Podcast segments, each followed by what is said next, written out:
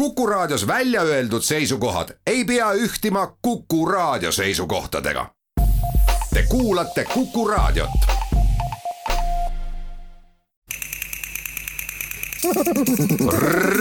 reisirada sellisena nagu selleaastane Tallinna vanalinn, kus kruiisituristid ei umista tänavaid ja grupid erinevatelt maadelt ei ole üksteisel jalus, pole ammu nähtud. Kas tallinlased või Tallinnasse tulnud, kõikidelt olen kuulnud lauset, nüüd saame ise Tallinna vaadata. ja mina, saatejuht Jaak Arin, tervitangi teid saatesse Reisirada, heidan pilgu siia-sinna, avastamaks uut ja vaatamaks tuntuma telgitagustesse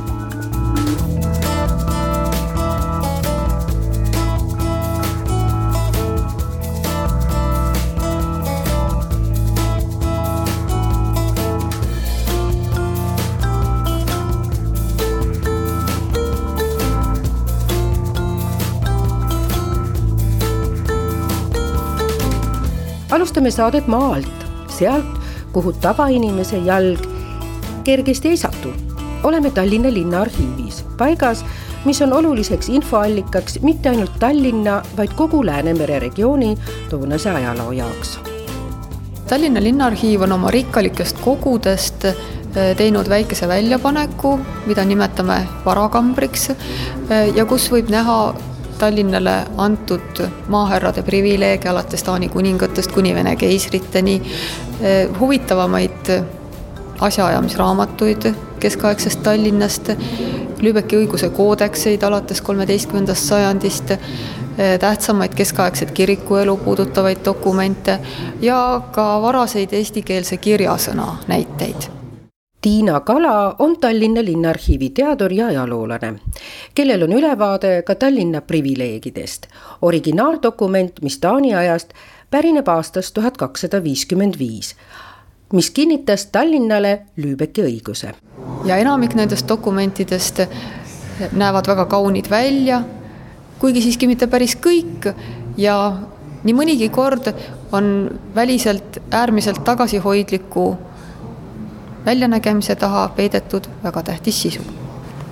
mis puutub Tallinna algusaegadesse, siis esimesed teated sellest, et äh, Tallinn võis saada mingeid privileege, äh, pärinevad tuhande kahesaja viiekümnendatest aastatest, mis, miks ma nii ebamääraselt väljendun, et võis saada mingeid privileege. Äh, nimelt sellest ajast on, on pärit originaaldokumendid aga nendes Taani kuningate dokumentides mainitakse küll jah, kuningas Valdemari antud õigusi, aga ükski neist ei ole ei originaali ega ärakirjana säilinud äh, ja me ei tea, mis need õigused võisid olla. tuhande kahesaja neljakümne kaheksanda aastaga dateeritud tekst äh, kinnitab tallinlastele kõik õigused, mis on Lübecki kodanikel kuidas seda tõlgendada, see on iseküsimus.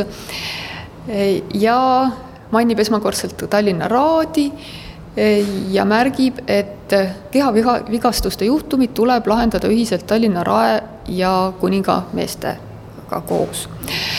seda on tagantjärele tõlgendatud kui, kui niisugust äh, autonoomia väljakujunemise varast etappi, see oli ka küllalt tavaline Läänemere piirkonna linnades, kus raad esialgu veel ei olnud, ei omanud ainuõigust kohtumõistmisel, vaid selle juures olid ka maahärra esindajad, aga äh, tegelikult tundub pigem, et selle sätte mõte on see, et kohut üldse peetakse. Et esialgu vast ei olnudki äh, veel kellelgi mõttes, et Raad peaks seda tegema päris iseseisvalt, äh, vaid et vägivallajuhtumid tuleb lahendada kohtu ees, äh, mitte veritasu, mitte oma kohtu käigus, mis oli ka üpris levinud veel ka isegi viieteistkümnendal sajandil Liivimaal. Mm, ja mm, veritasu ja vaenus ja vaenus kui juriidiline mõiste, mida tunneme veel Johann Ükskülli juhtumiga seoses Eh, et jah, et kohtupidamine toimuks eh, ja arvatavasti toimus see eh, Rae ja mm, kuninga esindajate ühine kohtupidamine kriminaalasjus kuni Taani aja lõpuni. et Tallinn aga läbi aegade mereriik on olnud, selle tõenduse saab paar sammu linnaarhiivist asuvast Tallinna sümbolina tuntud väravatornis Paks Margareeta, kus täna on Eesti Meremuuseum, mille neljal korrusel mereriigiga tutvuda saab. Nonii, minu nimi Urmas Treesen, Eesti Meremuuseumi juht juba pikka aega ja rõõm kõiki tervitada Paks Margareeta keldrikorruselt, mitte mida, mitte mida seda pole kunagi, kunagi olnud, mille nüüd alles selle rekonstrueerimistööde käigus me rajasime ja et siis luua niisugune suurem kogehall, aga nüüd me läheme siit ära, kui tolmima hakkas tööle.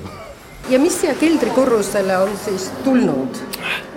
keldrikorrus tegelikult oli meil tarvidus luua selleks, et eh, kõigepealt kõik see algas sellest, et eh, kaks tuhat viisteist leiti Kadrioru rannast eh, kogevrakk millega me esialgu ei teinud mingisuguseid kindlaid plaane, et me teda siia toome, sest keegi meist ei teadnud tol hetkel, palju ühe koge konserveerimine võib aega võtta ja mis selleks kõigeks peab tegema, kuna Paks Margareeta on ju ikkagi keskaegne torn, siin ei ole väga palju ju ruumi panna keskaegset laevavrakki, siis ainuke võimalus oli leida neid kohti sisehoovi arvelt, mis oli. Ja sisehoov eh, oma olemuses seda ei võimaldanud, järelikult tuli minna maa alla. Ja siin me nüüd siis maa all oleme. Me võitsime juurde ruumi päris palju kui eelnevalt Paks Margaretas kogu Meremuuseumi ekspositsioon oli kuskil natuke üle seitsmesaja ruudu, nüüd on seda pinda kuskil noh, pea poole võrra juures, tuhat viissada. aga mis on selle asja juures veel oluline, et me leidsime väga palju keskaegset mm, leiumaterjali, mis puudutab eelkõige keskaegset eh, Tallinna, mis puudutab suurt rannaväravat, mis puudutab rannavärava eelväravat, ühesõnaga kõike seda, mis eelnes Paksule Margaretale, sest Paks Margareta on Tallinna mõistes, Tallinna kontekstis uhke nimega küll, aga tegelikult väga nooruke. Seega olemegi meie nelja ja poole meetri sügavusel tänavapinnast ja oleme kogeleidude vahel erandlik on siinjuures, et kahe tuhande viieteistkümnendal aastal selgus, et koge tuleb välja kogu kambüüsi varustusega, keraamika ja tööriistadega, pakkematerjali ja tünnidega ja tuli teha kõik, et seda eksponeerida ja siin keldrikorrusel see ongi. ja see, see ta on, pikkusega kuskil kaheksateist meetrit, eh, üle kuue meetri lai ja, ja ta on eksponeeritud eh, sellisel kujul, et seda koge oleks võimalikult hästi vaadata, sest eh, ma olen näinud väga palju kogesid, mitte ainult kogesid, see on nagu vale öelda, et ka neid, aga keskaegseid ja varasemaid laevavrakke, mis on eksponeeritud selliselt, et, eh, teda väliselt toestavad eh, selline metallkonstruktsioon, on ta siis mis iganes, mis kujul tehtud.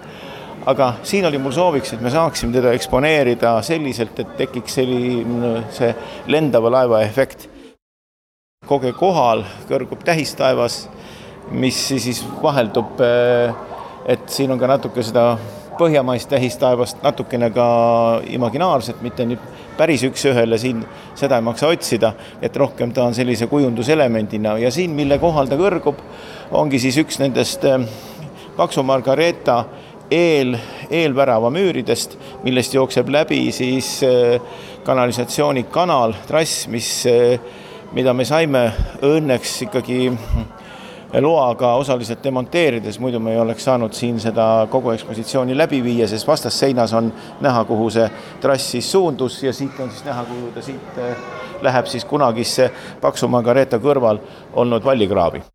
sõidame paar korrust kõrgemale ja seal on reas meremeeste santsukastid. Sansu kasti eripära on ju see, et, et no, kõigepealt siin on kaks asja. santsukast on natukene sellise kujuga, et ta läheb altpoolt laiemaks. see tava on sellest, et eh, selle peal istuti ja söödi laevaruhvis. et see oli selle meremehe põhiline värk, kui võib-olla ta see koi oli niisugune, võis olla ka lihtsalt eh, võrkkiik või niisugune, mõnikord eh, oli ka natuke asisem. aga see söömine ja tema vara natukene, söömine oli siis kasti peal, vara natuke kasti sees ja sellega nad ringi rändasid, kuigi oli ka võib-olla öelda, et et noh, neid meremehi oli ikkagi võib-olla enamuses, kellel ei olnudki sansokasti.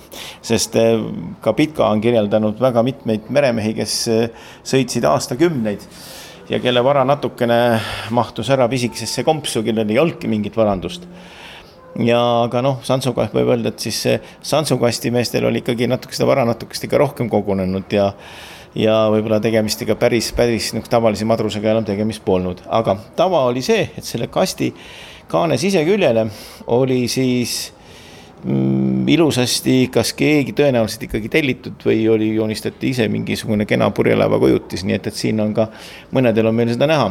nii et mõni on natukene algelisem, mõni natukene, mõni natuke parem ja üks oluline külg olid siin eh, selle santsukasti käepidemed mis on siis erinevates meresõlmede tehnikas tehtud, on seal otstes on knoopi kasutatud ja põimi, põiminguid ja noh jällegi legend ütleb, et selle santsukasti, eh, santsukasti siis eh, nende mm, käepidemete järgi oli võimalus Pootsmanil eh, hinnata siis tema laevale tuleva madruse siis niisuguseid madruse oskusi, kuidas ta sõlmedega oskab ringi käia ja ka noh, see on rohkem ka jälle, et, et ta ega santsukasti võisid sa kuskilt saada ja osta ja, ja see, kui hästi sa toimetasid eh, purjedega ja otstega, see tuli ikkagi töö käigus, töö käigus ilmsiks, et sellest ei piisanud, kui sa näitasid väga ilusaid eh, santsukasti käepidemeid ette.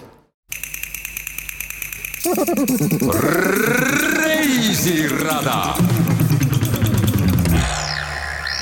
meremuuseumi ekspositsioon on väga mitmekülgne ja sinna võikski jääda kauemaks aga meie jääme esialgu veel keskaja traditsioonide juurde, astume sisse restorani Olde Hansa ja räägime peakokk Emmanuel Villega.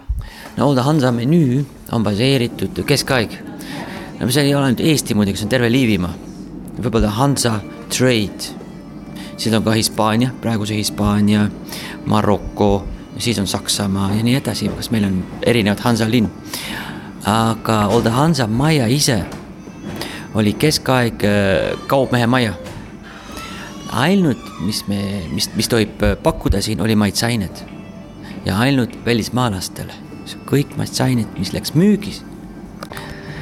Äh, keskaeg oli siin meie majas. pluss maitseaine on üks väga tähtis osa, Olde Hansa ka muidugi. me kasutame väga palju kaneel, ingver, nell, kardamon, müskaad me ei kasuta üle, lihtsalt mait-, balansseerimiseks, aga keskaeg oli see nagu raha väärtus. rohkem maitseaine sa kasutad söögi sees, mida rikas sa oled. see on väga rikka kaupmees, paneb, noh, ma lugesin raamatut ka muidugi, maitstakse üle kurgid, maitstakse üle veinid. lihtsalt näitada, mul on raha olemas. aga muidugi meie proovime õige balanss leia muidugi. aga see on meie köök. ta on balansseeritud, magus, happu ja järremaits on hästi pikk nagu meie jook, mis me proovisime äh, kaks-kolm päeva tagasi.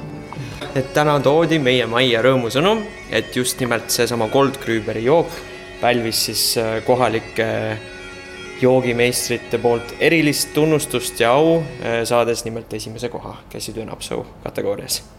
õige. jah, nii et Mekiga ka järgi, varsti saab köögimeistritelt juba paar maitsvamat ampsu ka toodud. no Goldgrüber kaks tuhat kuusteist on kihilise maitseliseks. nagu esimene maitse tuleb seda köömne, siis tuleb rahulikult tuleb piper ja lõpus tuleb kataka, mis on toetud vanilje ja kuusevõrsed lõpus. ja maitse läheb kakskümmend senti pikk, äh, kakskümmend sekundit pikk. see on hästi huvitav jook, ma arvan, et see on unikaalne jook praegu maailmas, ma arvan et siit tuli siis lauda nüüd meie värske ürdipähkli sai, kus on kõrval lossitoor juustu ja siin kahes kausikeses selle kõrval siis äh, sobib kokku nagu sukk ja saabas meie prantsuse õukonna äh, linnumaksa kõrgutis ja armas sibulamoos. nii et neid kahte soovitan kindlasti koos mekkida. kuusevõrset. Kuusevõrset. jaa, täna hommikul ma korjasin natuke no kuusevõrst on praegu hooaeg, kuusevõrst, annab kerge vitamiin, vitamiin C ja ta kerge happukas ka. no väike hooajaline aktsent juurde. koos ajaloolase Tõnu Pedaroga jalutame Kikindi kööki poole. millal tekkis mingi asi esimest korda siia Tallinna linnaruumi või kuidas üldse Tallinna linnaruum tekkis, et, et need punktid, millised on need kõige vanemad, aga mitte ainult ütleme paigad majad, rajatised, institutsioonid, eks ole, nagu Kanuti Gild, mis oli ilmselt üks väga oluline organisatsioon, äh, kaupmehi ja käsitöölisi esialgu, mis seda linna äh, kujundas. aga ka kõiksugu muud nähtused, ka hilisemad nähtused, praegu on meie inimeste üks sihuke kehaosa pikendus mobiiltelefon. No näiteks, kus asus või, või kuhu rajati esimene telefoniühendus Tallinnas? Me tuleme välja näiteks Kikendi kökist ja näitan kohe, äh, näed, sinnapoole seal äh, Tõnismäel on justkui veel üks teine Kikendi köki torn, vahel. Isegi inimesed küsivad, et miks see torn nii kaugele ehitati. et see on veetorn, see ei ole siis äh, Kikendi köki kaitsetorn, kuigi tõesti esimesena kaaluti meie oma suurtükitorni Kikendi kökk veetorniks ehitada veetorniks, mis oleks jootnud tervet Toompead. aga miks ma sellele veetornile viitan, viitan sellepärast, et siit vee, Tõnismäe veetornist viidi Tallinna esimene telefoniühendus äh, Faalemäele äh, Masina tänavale, kus asus äh, veetorni pumbajaam.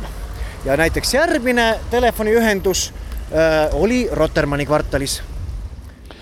me viibime praegu äh, tegelikult erilises kohas. Me oleme Tallinna allmaailmas Ingeri bastioni alustes maa-alustes käikudes. Ja ma tuletan meelde, et, et need maa-alused käigud, see on siis kakssada kuni kolmsada meetrit äh, niisuguseid äh, niiskeid äh, võlvkäike oma erilise atmosfääriga, et need käigud on osa siis Kikendi köki kindlustuste muuseumist. et Kikendi köki kindlustuste muuseum tutvustabki Tallinna linna kindlustuste ajalugu alates keskajast kuni siis uusajani. me räägime siis keskaegsetest tornidest, keskaegsest linnamüürist ja juba uusajast, kui ehitatakse bastione, muldkindlustusi ja need bastioni käigud siis on osa nendest muldkindlustustest. ja, ja, ja kokku, kogu meie muuseum hõlmab ligi kaheksasada meetri pikkust rännakut, et kui te tahate läbi käia kogu muuseum, siis äh, võtab see aega, ma arvan, paar tundi. et äh, liigume siin maa all käikudes, ronime Kikendikööki torni, mis on üks viiekümne meetri kõrgune torn tuletan meelde, et äh, Kikendikökk on Tallinna tornidest kõige kõrgem, ta on kõrgem, kui on näiteks Pikk Hermann, et Pika Hermanni kõrgus on nelikümmend viis meetrit, Kikendikökk on peaaegu viiskümmend meetrit kõrge. Et roni, ronite siis Kikendiköki torni, edasi liigute mööda kaitsekäike Neitsi torni, seal on suurepärane kohvik, saab äh, kohvi nautida, vaadata suurepäraseid, erakordseid, võib öelda isegi, vaateid siis Tallinna vanalinnale. ajalugu on tornil olnud kirju, räägib ajaloolane ja Kikendi köögi kindlustusmuuseumi juhataja Toomas Abiline. tuhande kaheksasaja kuuekümne neljandal aastal, kui need vanad keskaegsed kindlustused kaotavad äh, täielikult oma sõjalise tähenduse, siis äh, kingib keiser Aleksander Teine Kikendiküki torni ja ka komandandi maja, mis on siin kohe kõrval, kingib need tegelikult hoopis kristlikule kogudusele, see on siis vast loodud Kaarli kogudusele, et kujutage ette, et siis et kristlik kogudus saab endale päranduseks järsku ühes hiiglasliku sõjatorni. Et selline kingitus. et mida nad sellega nüüd peale hakata, hakata oskasid? Nad rentisid neid ruume välja, siin oli siis äh, raamatukoitmistöökoda, Tisleri töökoda, äh, siia ehitatakse tegelikult sisse elukorterid, vaheseinad, põrandad, ahjud, nii et siin elavad inimesed äh, aastakümneid sees. kui moodi läheb raske jõustik Tallinnas, me teame ühe, kahekümnenda sajandi alguses, siis tegelikult Tallinnas ei ole sobivaid ruume, kust mehed saaksid rassida, kus saaksid oma raskusi tõsta ja ja maadelda ja nii edasi ja me teame, et siin Kis-, Kikendiköki tornis asusidki siis ras-, esimesed ras-, raskejõustikuklubid. et siin on rassinud siis meie ma-, maadlusmeistrid, ma arvan, et ka Georg Luuri on siin tornis äh, siis äh, jõudu katsunud oma treeningkaaslastega, kuigi me täpselt seda ei tea. me teame, et siin Harjumäel olid siis esinemised, siin nad olid need demonstratsiooni esimesed oli Harjumäel siin kohe kõrval. ja, ja nii edasi, kahekümnendatel aastatel elavad siin veel elanikud sees ja veel üks väike detail, tuhat üheksasada kolmkümmend neli saabus siis Tallinnasse Aino Kallas siis jäi siia pikemalt peatuma ja Aino Kallas on oma mälestustes kirjutanud, et tema oli sellesse Kiikendiköki torni ära armunud. et kui ta siit mööda jalutas, siis ta unistas sellest, et, et see võiks olla tema kodu.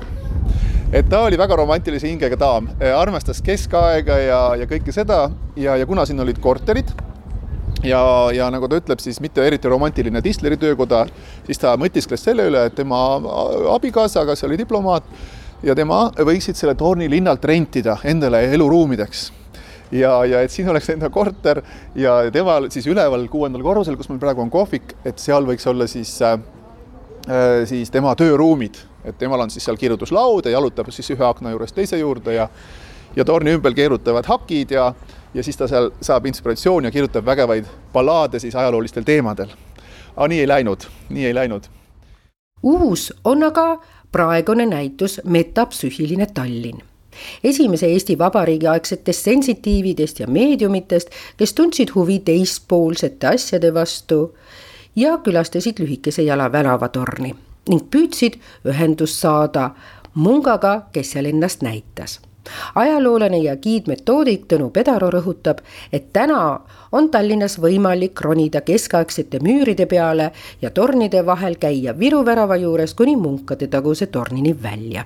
meil on äh, kõige pikem müürikäik, kust siis nagu võtta, seal on siis neli, ühendab siis neli äh, keskaegset torni. Ja äh, kas hakkad tulema siit Kikendi köki poolest, poolt, eks ole, hakkad äh, siis minema, lähed, äh, jõuad Neitsitorni, Neitsitornist äh, liigud edasi Tallitorni ja siis edasi veel Väravatorni, et kõik need tornid iseenesest on võib-olla Tallinna kõige huvitavamad. mispärast? sellepärast, et suurem osa Tallinna torne on sellised hobusarauakujulised. aga meie tornid siin, noh, Kikendi kökk on siis üks neid sõõrjaid torne, nii-öelda ringikujulisi torne ja alllinnas on äh, ainult veel Hellemanni torn selline. siin Toompeal küll leidub selline äh, näide veel, aga äh, Kikindi kökist, Kikindi köki kõrval siis Neitsi torn on ainukene siis selline nelinurkne torn, mis oli ka ainukesena siis linna poolt avatud, praegu on seal siis sellised seinaknad, kus sees on, on kohvik ja näitused, muuseum.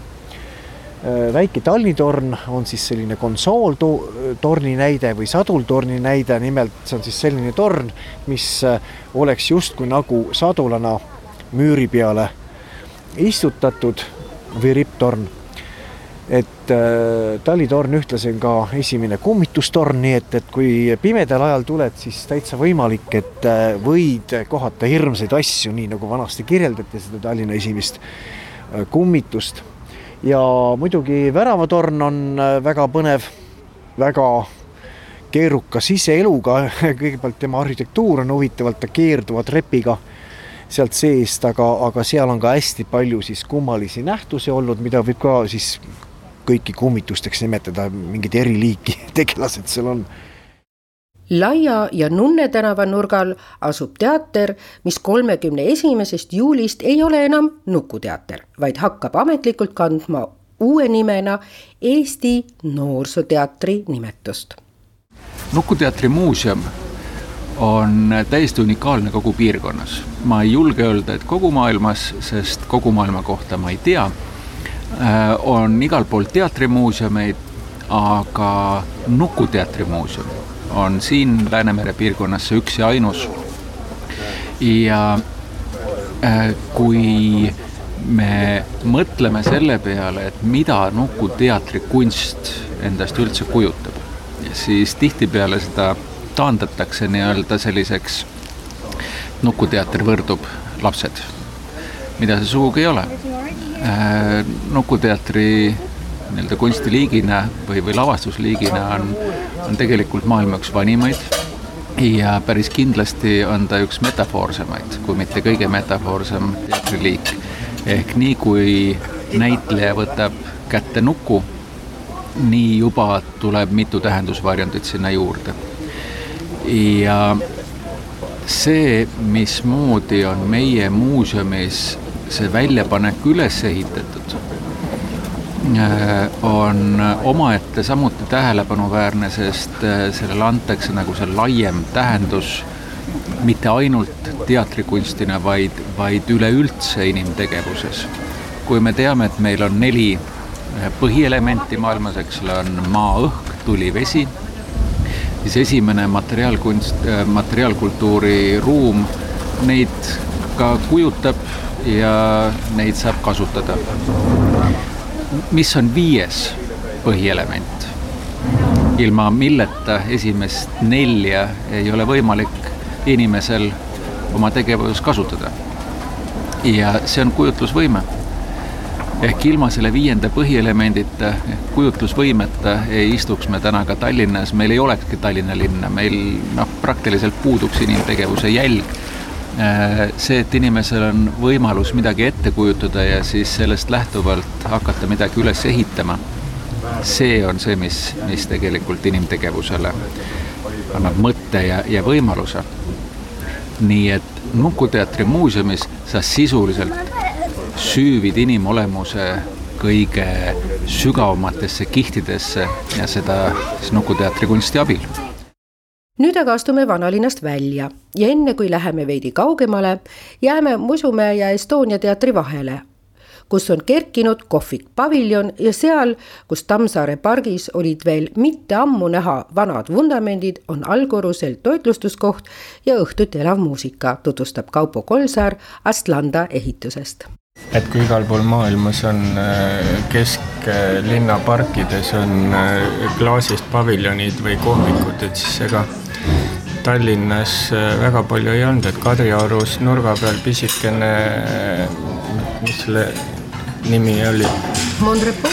jah, aga nüüd kesklinnas e-, ega ei olnudki peale Viru eh, hotelli eh, väli, välikohviku laudadel ei olnudki seal kuskil midagi istuda, noh küll vanalinnas, aga kui, kui võtta just sellist pargiala, siis minu arvates see praegu vana turuhoone asemele ehitatud, ehitatud äh, kohviku paviljon on väga, väga seda tühimikku täitev, et Tammsaare pargi äh, kohviku soklikorrusel on Rahu kinost, lammutatud Rahu kinost demonteeritud Dolores Hoffmanni suurest freskost üks äh, oluline fragment Eh, millele muinsuskaitse otsis eh, kohta, kus ta on huvilistele vaadeldav ja, ja ta ei ole kuskil tagaruumis, et tolmu koguda. ja siis tänu minu ja Hilka headele suhetele me leidsime selle koha meie seal soklikorruse seina peal reisirada. nüüd seame aga sammud kesklinnast välja. ma tahan alustada sellest, et vaata, mõtle nüüd selle peale, et mis on need viimase kümne või isegi üle kümne aasta kõige tähtsamad Eestit uued, uued turismiobjektid? Noh, võtame siis järjest vaata, no esimene suur oli Kumu, ma räägin nii kodumaised kui välismaised turistid. Kumu, siis kui me nüüd oleme Tallinnas, siis räägime järjest, siis vaatame, et Balti jaama turg, siis äh, Telliskivi loomelinnak, siis lennusadam, äh, nüüd siis hiljem veel Noblessner ja Fotograafiska või siis, kui võtame Tartu, siis ERM ja Tartu aparaaditehas. mis neid ühendab? see, et ükski nendest ei ole kesklinnas. kõik on äärelinnades. viimase üle kümne aasta kõige tähtsamad uued turismiobjektid on küll suurtes linnades, aga mitte kesklinnas. ja vaata, ma väidan, et see tendents jätkub veel aastaid. kindlasti kunagi tuleb see, et hakatakse jälle kesklinnadesse linnakeskustesse ehitama asju, uusi asju või tegema selliseid asju, mis on huvitavad ja mis tõmbavad ka turiste kohale. aga momendil juba aastaid on olnud selline tendents, mitte ainult Eestis, vaid mujal maailmas ka. Tapio Mäkeläinen, kelle kohta öeldakse, et ta on soomlane, kes tunneb eestlast, on kirjutanud mitmeid raamatuid Eesti ja Tallinna kohta ja kellel oli soomlaste ehitatud Viru hotelli ja Soome juubeli puhul ka omanimeline tuba kaheksateistkümnendal korrusel. ainukeseks teiseks persooniks oli rahvusvaheliselt tuntuim Soome kunstnik Tom of Finland ei, väga tore oli, ma käisin seal mõned korrad ikka oma sõpradega ja tuttavatega ja natuke ekskursiooni tegemas ka ja ühe öö isegi oma naisega ööbisin seal koos mina vaatan aga kõigepealt ringi Noblessneris. Ott Sarapuu meenutab, kui tema kümme aastat tagasi Meremuuseumit kujundama tuli, siis oli siin veel tühermaa, ei olnud Kalaranna tänavatki. kuidas siia vanalinna külje alla saada, siis see oli veel seiklus täna on Lennusadamas saanud üks Tallinna olulisematest atraktsioonidest. nüüd, kus muuseumid on veel üsna tühjad, tundub meenutus pikast järjekorrast ukse taga Titanicu näitusele, kus külmal aastaajal ootajatele kuuma teed jagati, lausa imeline teiseks suureks objektiks, mis nüüd jälle uksed avas, on Proto avastustehas ja Otist on saanud tehase direktor. meil on no, oluline lisaks sellele ka veel see, et et lisaks sellele noh, lihtsalt toredusele või meelelahutusele natukene tekiks huvi ka asjade vastu, kuidas midagi töötab ja, ja, ja natuke sellise tehnika, tehnoloogia ja ja leiutamise vastu, et me ei räägi siin mitte nagu niivõrd sellist äh, infotehnoloogiat ja arvutitest, vaid tegelikult rohkem kui saja aasta tagustest leiutitest, leiutistest ja no, nendest asjadest, mis on iga päev meie ümber, aga võib-olla me alati ei küsi, et äh, kuidas siis elekter tekib või kuidas see elekter ühest kohast teise saab. Ja noh, tegelikult need paljud ju nähtused, mida me täna, täna kasutame ja oma igapäevaelus nagu igapäevasena võtame, no need alles sada viiskümmend aastat tagasi olid äh, erakordselt uued asjad, eks ole, noh, inimkonna ajaloos sada viiskümmend aastat on nagu peaaegu mitte midagi et, et me räägime leiutistest, nii et me üritame siis, üritame siis läbi selle mängulisusega natukene huvi tekitada selle vastu, kuidas, kuidas asjad töötavad, kuidas leiutised on ja rääkida seda saja-aastast lugu. Loodud on ka ahaa-efektiga õhkkond, mida on tore siia vaatama tulla ja iga eksponaadi juures on oma põnev lugu. Me praegult seisame siis äh, selliste eksponaadi kõrval, mille nimeks me oleme andnud õhujalgrattad ja, ja need siis toimivad selliselt, et äh, inimene paneb endale pähe need virtuaalreaalsuse prillid ja reaalselt väntab. Äh, ja kui ta väntab, siis ta näeb äh, läbi prillide, et ta on ühes kujutletavas õhulinnas ja ja peab siis seal manööverdama ja tegelikult selline eksponaat me oleme leidnud päris allikmaterjalidest üles ühe kirjelduse, kus siis üks leiutaja, noh, ilmselt tollel hetkel noh, niisugune jah, ütleme siis leidur, mõtles, et väga tore oleks kombineerida kokku helikopter ja jalgratas ja väga tore oleks ju postiljonidel viia posti, kui nemad lendaksid linna koha peal väntaksid, nende pea kohal oleks üks tiivik, mis käib ringi ja küll oleks mõnus äh, toimetada kohale posti. no ma arvan, et ka tänapäeval sellised postiljonid unistaksid sellisest asjast. ja, ja, ja, ja kui me nüüd vaatame tänapäeva, siis, siis võib-olla isegi selline asi nagu droon on kõige lähedasem sellisele leiutisele, aga siin me siis oleme jah, proovinud sellist, seda tolleaegse leiutaja ideed nagu taas replikeerida, et et saabki siis kasutaja seal linnas lennata ja posti kohale toimetada, no muidugi me füüsikast päriselt teame, et ükski inimene ei suuda nii kiiresti vändata, et ta suudaks oma keharaskuse tiiviku abil üles tõsta. et päris nii lihtsasti see ei lähe, aga, aga noh, ütleme, et siin on, on midagi sellist, mida siis võib-olla päriselus ei saa kogeda ja läbi tehnoloogia natukene saab. Proto on kombinatsioon teaduskeskusest ja fantaasiamaailmast, mida Bernoulli kahuriga mängulist teha saab, saab siin uurida ja teada ka õhufüüsikalisi omadusi ning vaadata, mida tähendab saareke lae all proto avastustehas on seotud ka Saaremaaga. ja kuna Tullio Liblik on meiega siin ühinenud, siis millisel viisil? see viis on väga lihtne ja arusaadav. ehk eh, lähiajal see, mida me näeme siin proto avastustehases, eh, natuke muudetud kujul, vormis ja teise asukoha peal hakkab eh, aset leidma ka Saaremaal, Vau keskuses mille avamist me lähikuudel ootame ja praegu, praegu planeerime. nimelt protoavastustehase loojad on äh, loonud ka kontseptsiooni Saaremaa jaoks ja see ongi see seos, mida me siis lähiajal nautida saame Tapioga aga istume trammi. ei no vaata, me sõidame äh, trammiga, vaata trammiliinid üks ja kaks sõidavad siis kuni Kopli poolsaare otsani ja siis äh, siin on, oli, tulime just üle raudtee ehk siis lõppes, lõppes siis Kalamaja ja hakkas siis Karjamaa, tegelikult siin on nüüd see, kohe oleme need, nende kuulsate punaste majade juures, siin vaatan, siin on kolm punased kasarmud, on, on, on need, mis hakka, ehitati siis äh, tegelikult äh, äh, eelmise sajandi alguses. Neid pidi tulema siia mitu tükki, aga siis tuli ju esimene maailmasõda, Vene revolutsioon, Eesti Vabariik, et tegelikult kolm ehitati ainult, pidi tulema palju rohkem.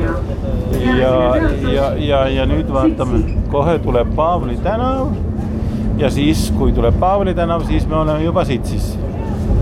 ja siis, kui läheme üle Sõle tänava, siis me oleme juba Koplis. Paljassaare jääb kohe paremat kätte, et siin on need Põhja-Tallinna erinevad, erinevad linnaosad, aga praegu me oleme veel Karjamaal.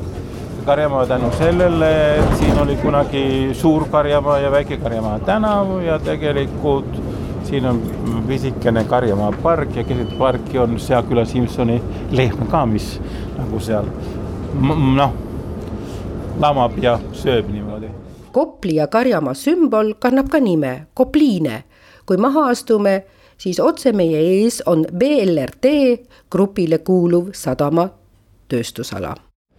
Ja siin nüüd on äh, selline nii-öelda silmus, kus need trammid pööravad ümber, selle silmuse sees on üks Tallinna kõige vanemaid tammesid, see siinsama, mis paistab, mis on umbes kolmesaja viiekümne aastane.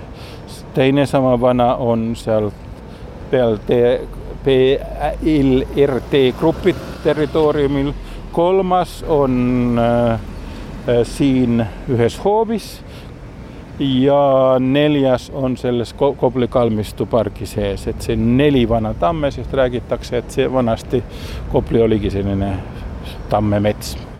pilku püüab muljetavaldav paekivihoone tänane Mereakadeemia ja vasakul professorite küla. paremal Vene-Balti tehase haigla, nende taga kuni mereni Kopli liinid. õppetegevusega siit tulid siia ka muidugi siis õppejõud ehk siis professorid ja selle tõttu siis nemad, kes siis hakkasid elama nendes majades, ilusates puumajades, mis tegelikult olid, olid ehitatud selle Balti-Vene äh, laevatehase äh, juhtivate töötajate ja lausa juhi jaoks, siis nendes hakkasid elama siis selle, selle kõrgkooli professorid ja selle tõttu on professorite küla. et vaata, kui nüüd rääkida sellest Põhja-Tallinnast ja sellest siis tegelikult see professorite küla, Kopli liinid ja siis Sitsi küla. Nad on kõik, kõik kaks sellist väga haruldast asja, mis on nagu praktiliselt säilinud, aga peaks nagu korda tegema need majad ja selle territooriumi ja siis äh, ka lahti tegema nagu külastajate jaoks. tegelikult võiks ju väga kihvtid, kihvtid asjad saada siin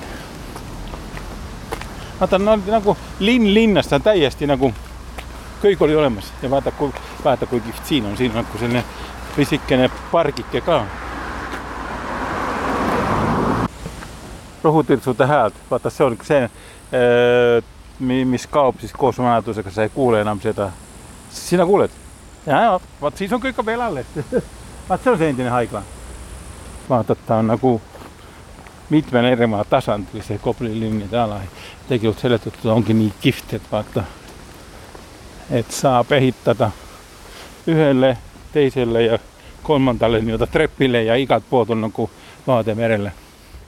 Juhan Tepartiga sõidame üht linna uut projekti vaatama. Juhan on kino maastikuarhitektuur arhitekt ja on praktikul käinud ka Strasbourgis, mis on üks Euroopa jalgrattasõbralikumaid linnu. et nad on juba oma trammivõrku linnades arendanud eh, nüüd hea paar aastakümmet. et seal oli seda ka nagu väga ilus näha, et kuidas tramm ehk siis ühistransport ja ja kõnniteed ja jalgrattateed on kõik eh, üheks tervikuks kokku pandud, et eh, et seal oli lausa lust igapäevaselt sõita jalgrattaga. Et see, seda ma mäletan, seda kogemust, et kui tagasi tulin sealt, et siis oli küll sihuke, et jälle tuli hakata kuidagi võitlema nii-öelda liikluses et sihuke stressitase kohe tõusis püsti et see konkreetselt tegeleb nii looduse, eluslooduse liig, liigirikkusega et eh, noh, nagu nimi ütleb, putukaväil, et siis siin on uuritud, eh, mis putukad siin juba elavad ja, ja kuidas siis eh, tõsta putukate liigirikkust, et kuidas seda haljastusega teha saab.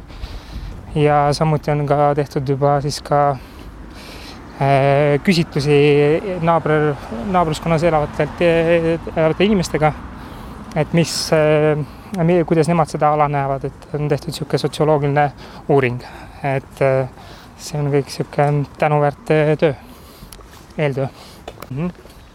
nüüd me jõudsimegi siia koldepõiest väärde, kus algab siis esimene etapp sellel putukaväljal.